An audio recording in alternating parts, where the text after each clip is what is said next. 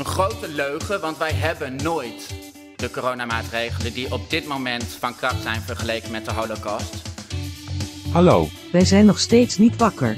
verspreiden nog steeds onze wokstront. En wij kotsen dagelijks onze opiniebraaksel uit over het Nederlandse volk. Wij zijn links geleuter. Links geleuter, Geleuter. geleuter, Geleuter. geleuter, Geleuter. geleuter. Links geleuter. geleuter.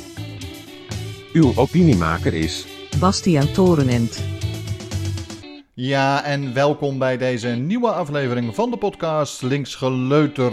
Mijn naam is natuurlijk Bastiaan Toornent en deze podcast kunt u vinden op Spotify, Apple Podcasts, Google Podcasts en diverse andere podcastplatformen. Natuurlijk kunt u ook eh, op YouTube kijken. Daar ziet u eh, sowieso de audio-varianten van deze podcast. En één keer in de week maken we dan natuurlijk een special. En dat is wel een video-variant van deze podcast. Die komt pas dit weekend. Dus u moet nu het met de audio-variant eh, doen. Ik hoop dat u het leuk vindt, want waar gaan we het over hebben? Nou ja, over iets waar heel veel debat over is deze week. Door eh, eigenlijk het onderwerp wat ik gisteren al besproken heb: de bedreigingen van Van Houwelingen, eh Forum voor Democratie Kamerlid, richting Sjoerd Sjoerdsma, eh, de Kamerlid van D66. Ehm, en nou ja, eh, Thierry Baudet heeft erop gereageerd dat, het, dat hij ze niet ziet als bedreigingen. En dat het allemaal een grote ophef is voor. Nou ja, allemaal een beetje onzin eh, is wat er nu allemaal gezegd wordt. Nou ja, eh, daar kunt u het mijne van denken. Ik denk daar ook het mijne van. Ik vind dat Forum voor Democratie, met name ook Thierry Baudet, eens een keer ha- haar of zijn verantwoordelijkheid zouden moeten nemen. En gewoon eerlijk moet zijn over wat het nou werkelijk is. Want in mijn ogen zijn het wel degelijk bedreigingen. Goed, dat hebben we gisteren eigenlijk al een beetje besproken.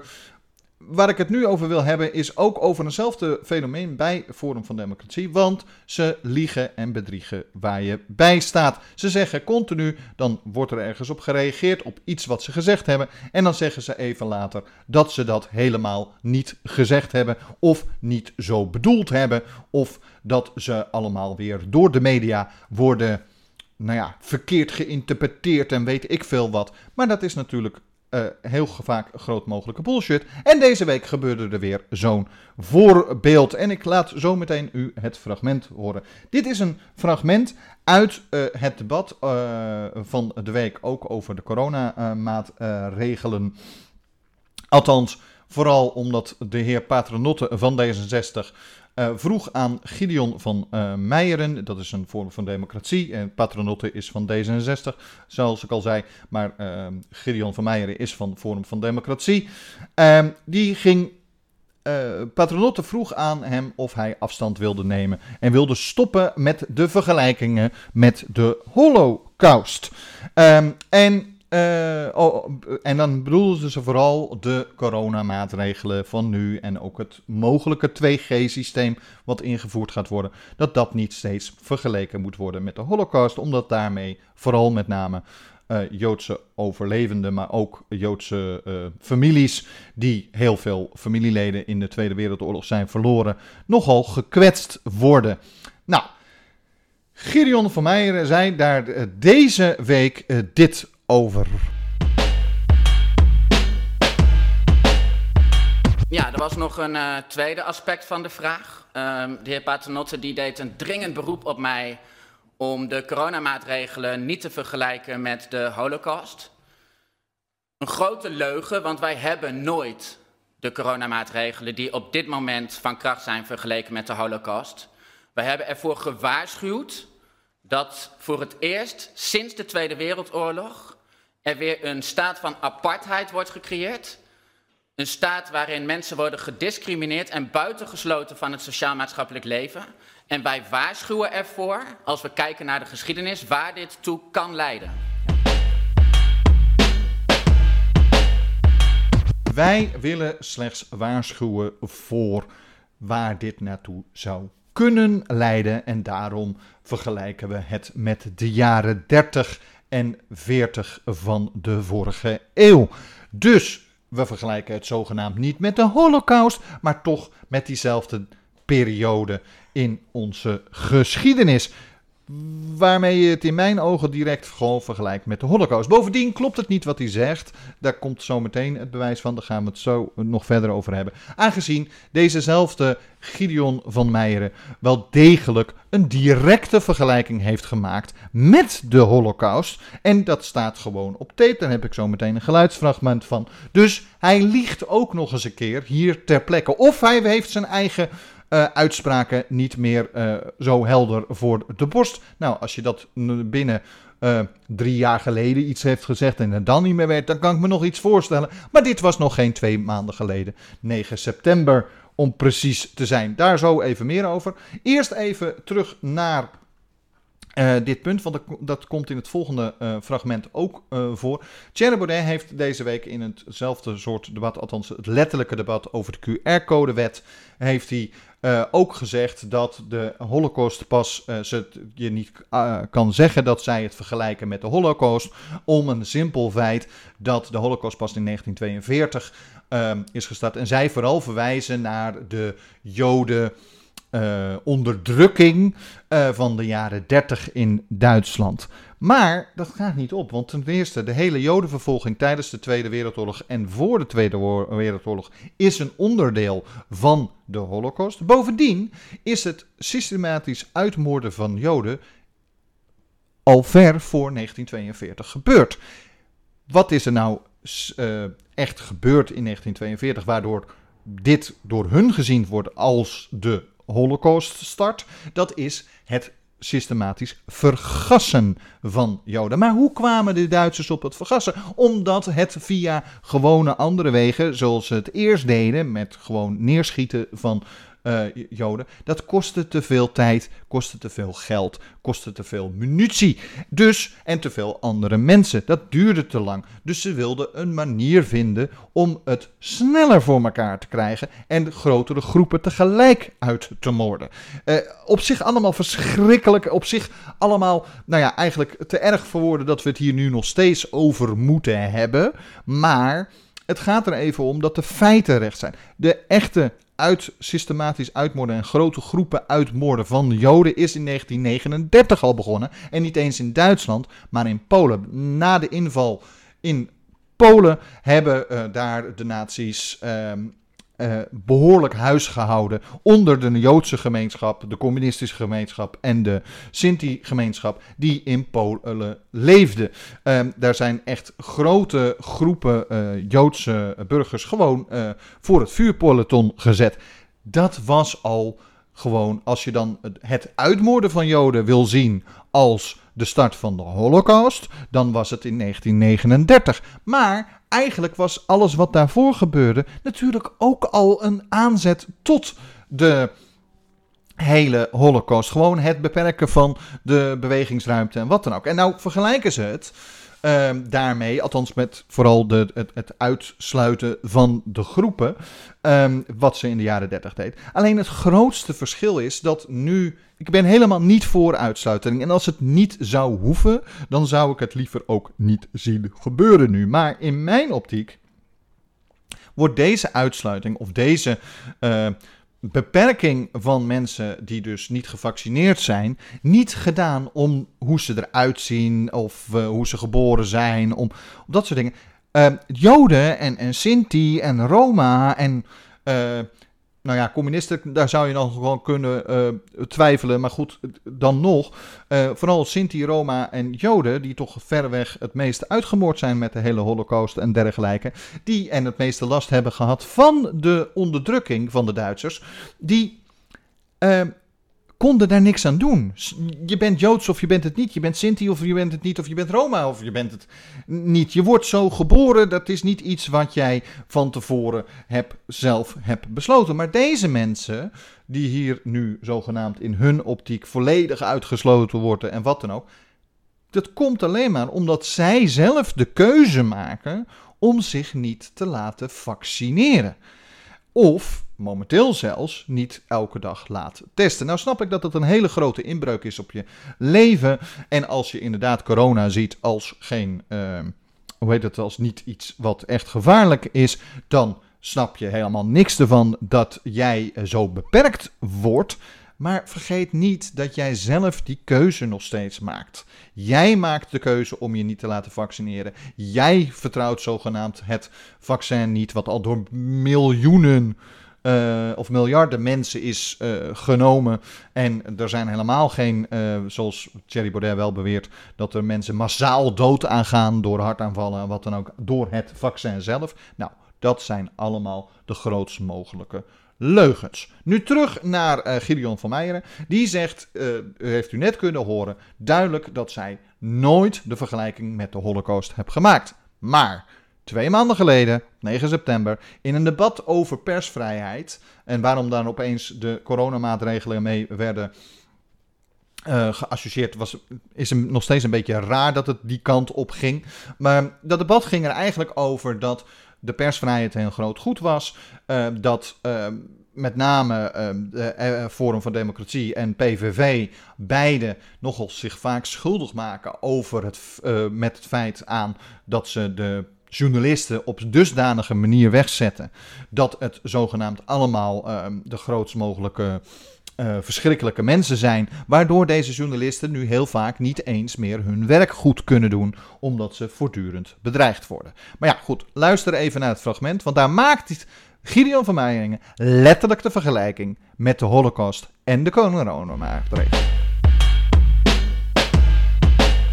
In het jaar 1933, ja, voordat u allemaal verontwaardigd naar de interruptiemicrofoon loopt. in het jaar 1933 was er een gekozen volksvertegenwoordiger.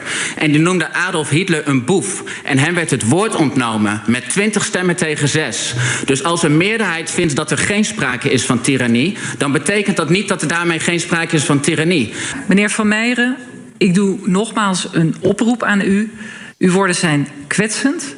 Eerst werden de Joden uitgesloten meneer, om naar de bioscoop meneer, te gaan. Ja. Toen mochten ze niet meer naar hun restaurant. Meneer Van Meijeren, ik schors... Ik zou willen... Als eerste moet ik dus reageren hierop. Dit is dus letterlijk een vergelijking met de Holocaust. En als je niet mij gelooft, dan moet je maar gewoon naar de woorden van uh, Gideon van Meijering uh, luisteren. Die, hij zegt letterlijk dat hij de Jodenvervolging start vindt, of tenminste de Holocaust start, is in feite gewoon bij het beginnen van de inperking van de leefruimte en van de uh, vrijheden van de Joden. Dat is dus een onderdeel van de Holocaust. Daarmee maak je dus wel degelijk de vergelijking. Bovendien komt er een ander uh, saillant detail die uh, ik u even wil aangeven. Want hier kloppen weer de geschiedenisfeiten niet. Want wat zegt Van Meijeren dat er een uh, parlementslid, uh, van Duits parlementslid was in 1933, die zei dat Hitler een boef was en dat hij daarmee het spreekrecht ontnomen werd door uh, de meerderheid van de uh, op dat moment uh, Rijksdag. Um, maar het stomme ervan is, is dat meneer gewoon zijn feiten niet goed op een rijtje heeft. Ten eerste, in 1930, in 30 januari, um, werd Hitler verkozen tot Rijkskanselier. Dat werd hij op dat moment Um, omdat hij verreweg de, um, hoe heet het, de verkiezingen had gewonnen. En dan zegt uh, hij van ja, maar dat, als de meerderheid uh, uh, zegt dat er geen tirannie is, wil niet zeggen dat er geen tirannie is. Dan heeft hij op zich een punt. Echter, toen die tijd was er eigenlijk al geen sprake meer van democratie. Überhaupt niet. Want de, op het moment dat Hitler de uh, macht heeft, heeft hij meteen alle andere partijen uh, uh, bijna verboden.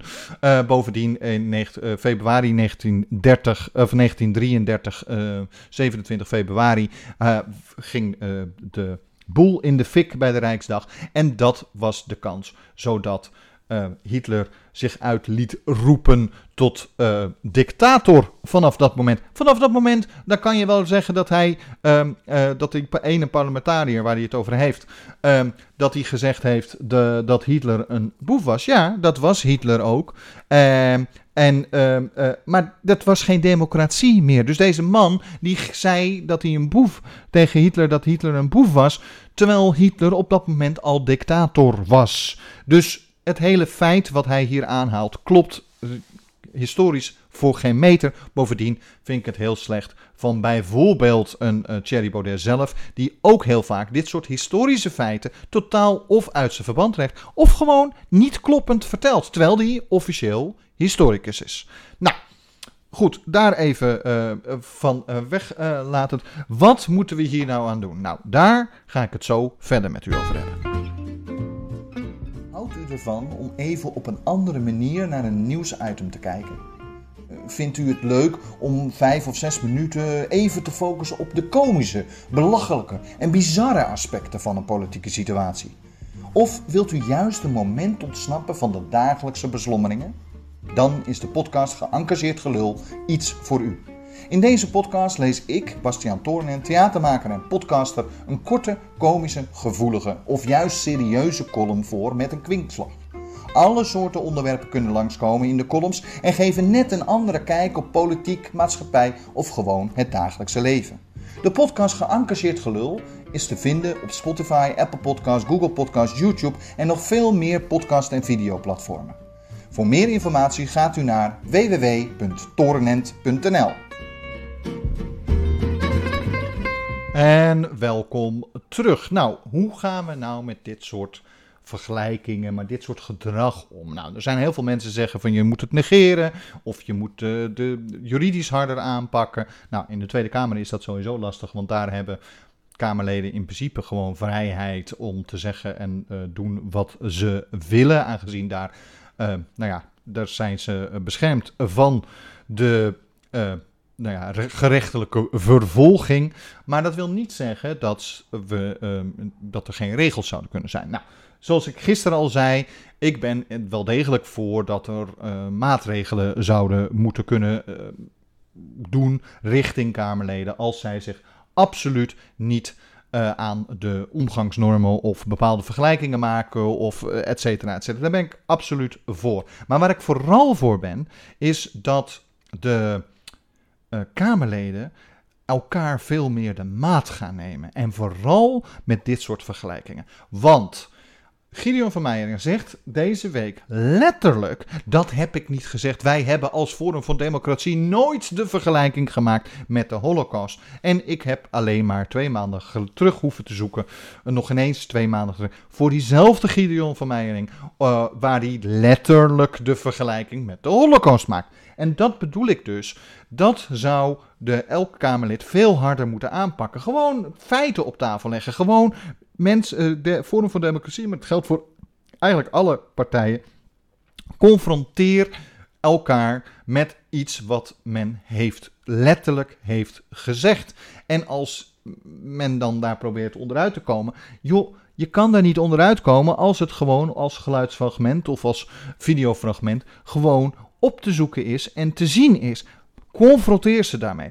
Ik vind dat de oppositie, maar ook de regeringspartijen, veel harder moeten zijn. Kijk, de, uh, het negeren heeft geen zin. Maar mensen hard aanvallen op het feit dat zij uh, onjuistheden zeggen. Maar niet alleen onjuistheden, maar gewoon liggen te liegen, historie verdraaien, et cetera. Dat moet je gewoon keihard aanpakken. Maar dat is mijn mening. Er zijn ook andere mensen die zeggen, ja, maar dan geef je er gehoor aan. Ja, maar dan slaan ze wel flaters. Want dan, als je goed kijkt, iedere keer als ze wel echt hard aangepakt worden, dan zie je, en ook feitelijk aangepakt op de feiten, dan slaan ze flaters. Er is een fragment um, waarbij uh, iemand van op 1, dat is uh, een Kamerlid van op 1, zij is de enige echte huisarts in de Tweede Kamer. Zij uh, heeft gewoon een medische opleiding. En heeft medicijnen gestudeerd. En weet dus veel meer van nou ja, hoe virussen, corona, uh, onderzoeken, uh, medicijnen, et cetera werken. Zij heeft uh, Thierry Baudet al een paar keer gewezen op het feit dat hij continu de vaccinatie een gentherapie noemt. Terwijl het geen gentherapie is. En zij legt ook direct medisch uit waarom het geen gentherapie is en ook niet zo gezien wordt door de artsen, um, aangezien het daar niets mee te maken heeft. Nou, um, dat is de enige manier. Toen sloeg, toen stond eigenlijk Thierry Baudet met zijn bek vol tanden. Want ga je nou tegen een, iemand die het gestudeerd heeft, ga je er keihard tegen in? Ja, Ehm, hij gaat er keihard tegenin op het moment dat diegene er niet bij is. Maar op het moment dat diegene erbij is en die het zegt van het klopt niet wat u zegt. En u bent eh, eh, historisch of juist eh, feitelijk onjuistheden aan het vertellen, want het zit zo en zo. Als je hem daarmee confronteert, staat hij met zijn bek vol tanden. En dat geldt voor alle Kamerleden van Forum van Democratie. En het geldt ook voor mensen van de PVV. Maar dat geldt eigenlijk voor alle Kamerleden. Ik bedoel, ook als een linkse partij allemaal feitelijke onjuistheden uh, vertelt. En er is daar iemand die gewoon dat zo direct kan aantonen. En de feiten op tafel kan leggen. Dan. Uh, kunnen ze continu komen met fake nieuws en dat soort dingen. Maar niet tegen mensen die het zelf bestudeerd hebben. Zelf er alles van weten. Dan wordt het veel moeilijker uh, om te zeggen dat het uh, feitelijk onjuist is. Want dan kunnen ze alleen nog zeggen, dat heeft wel een uh, vorm van democratie medewerker een keer gedaan van ja, maar wat je op de universiteit leert klopt niet. Maar ja, daar werd Thierry van Baudet een beetje boos over, want die loopt juist te schermen met zijn opleidingen op de, op de universiteiten. Dus um, dat gaat natuurlijk ook te ver. Nou, dan kom ik bij mijn laatste punt.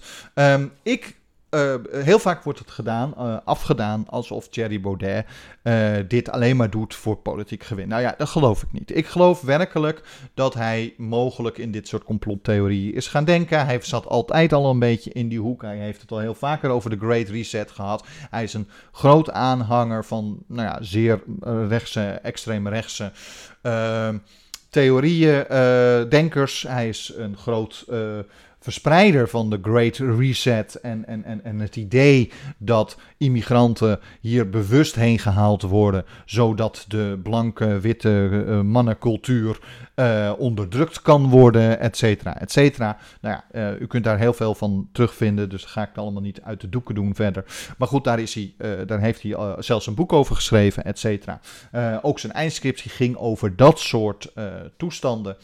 Um, dus daar, daar is hij groot aanhanger van. Dus ergens uh, zat hij altijd al een beetje in dat complotachtige toestand zat hij al. En of hij nou werkelijk alles gelooft wat hij zelf zegt, dat durf ik te betwijfelen. Maar ik geloof wel degelijk dat hij uh, passioneel uh, is. En dat heeft hij uh, onlangs zelf gezegd. Het is een, het laatste fragment van deze keer. Um, waarbij hij zogenaamd spreekt vanuit zijn eigen gevoelens. Of alles wat hij daar zegt echt oprecht is, is uh, misschien de vraag. Er komt alleen wel één punt bij. Hij staat zogenaamd, en dat wordt mij ook een keer verweten dat ik hem bijvoorbeeld als narcist of fascist uh, afdoe, uh, wordt mij continu verweten door veel mensen dat het bullshit is, want hij staat voor volledige democratie, et cetera, et cetera. Um, want hij uh, vindt uh, inderdaad dat, uh, nou ja, dat, dat niet bedrijven of wat dan ook moet, dingen moet bepalen. Geef ik hem nog zelfs gelijk in. het gevecht tegen bepaalde grote machten die dus niet verkozen zijn, daar wil ik hem best in steunen. Aangezien heel veel linkse partijen eigenlijk ook tegen, nou daar wordt het dan meer het kapitaal genoemd, vechten. En uh, ik vind ook dat vaak te veel bedrijven uh, te veel uh, vinger in de pap hebben. Uh, neem nou de zorgverzekeringen, die bepalen eigenlijk bijna het gehele beleid wat rondom de zorg wel en niet vergoed wordt. En ik vind niet dat de bedrijven dat zouden moeten bepalen. Maar goed, het gaat er even om dat hij hier ook zegt van ik vind dat ik gelijk heb. Dat hoor je zo meteen in dit fragment. Maar dan is het de vraag in hoeverre ben je echt democratisch als jij vindt, jij hebt gelijk, dus we moeten allemaal naar jou luisteren. Terwijl de meerderheid momenteel vindt dat jij geen gelijk heeft. Dat is de vraag die ik u stel. Luister maar even naar het fragment.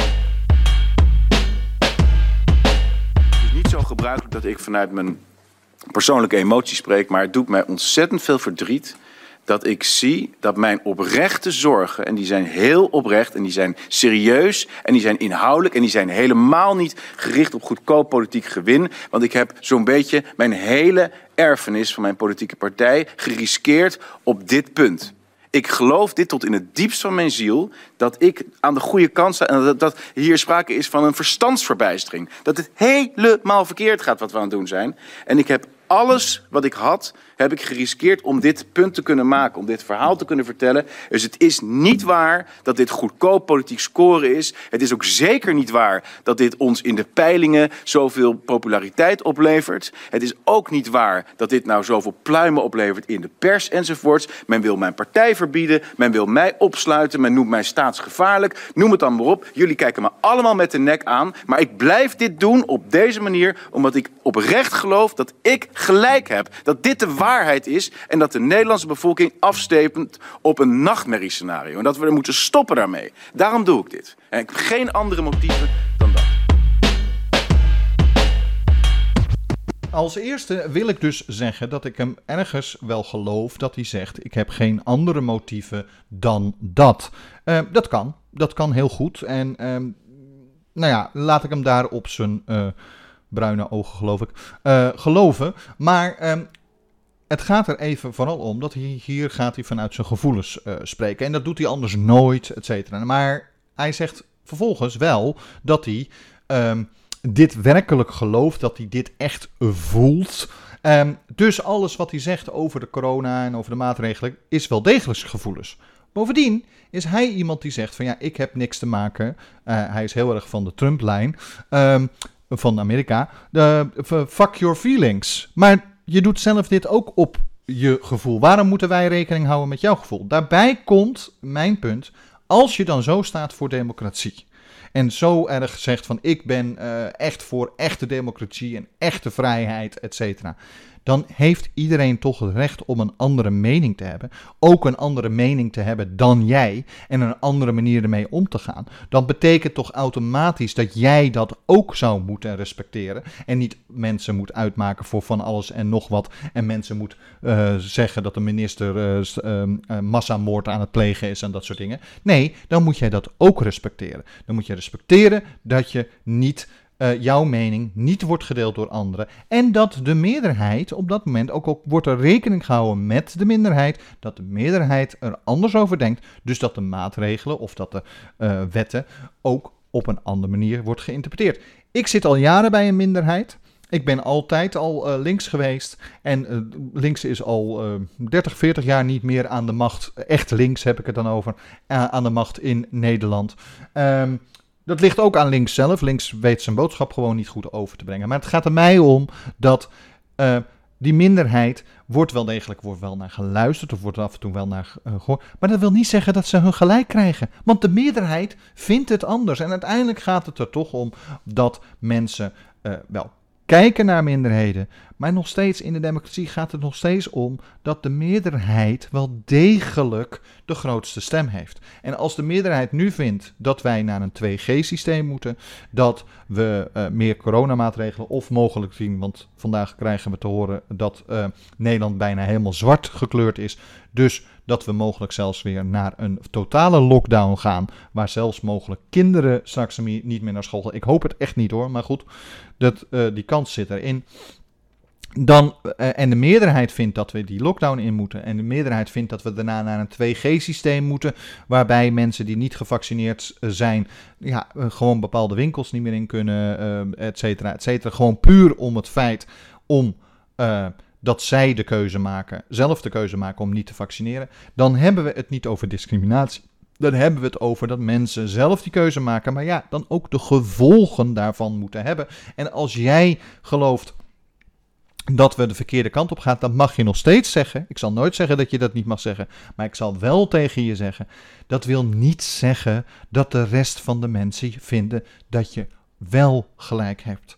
Want jouw gelijk is niet belangrijker dan mijn of die van een ander. Jij gelooft hierin, maar een ander gelooft er misschien niet in. En dat wil niet zeggen dat we allemaal maar naar jou moeten luisteren, terwijl we dan niet moeten luisteren naar de andere. De andere heeft net zoveel recht van spreken. Goed, dat was het weer voor vandaag. U kunt natuurlijk alles vinden over uh, mij en over deze podcast op mijn website. En dat is www.torenent.nl. En dit weekend komt de eerste special weer van Links Geleuter. En dat zal in filmvorm zijn, maar ook natuurlijk op deze podcast. Dus als u via de podcastplatformen luistert, dan kunt u gewoon ook naar die aflevering luisteren. Die zal iets langer zijn. Ehm, dan deze, aangezien eh, de special altijd eh, rond rondom een uur duurt. Nou, tot eh, de volgende keer.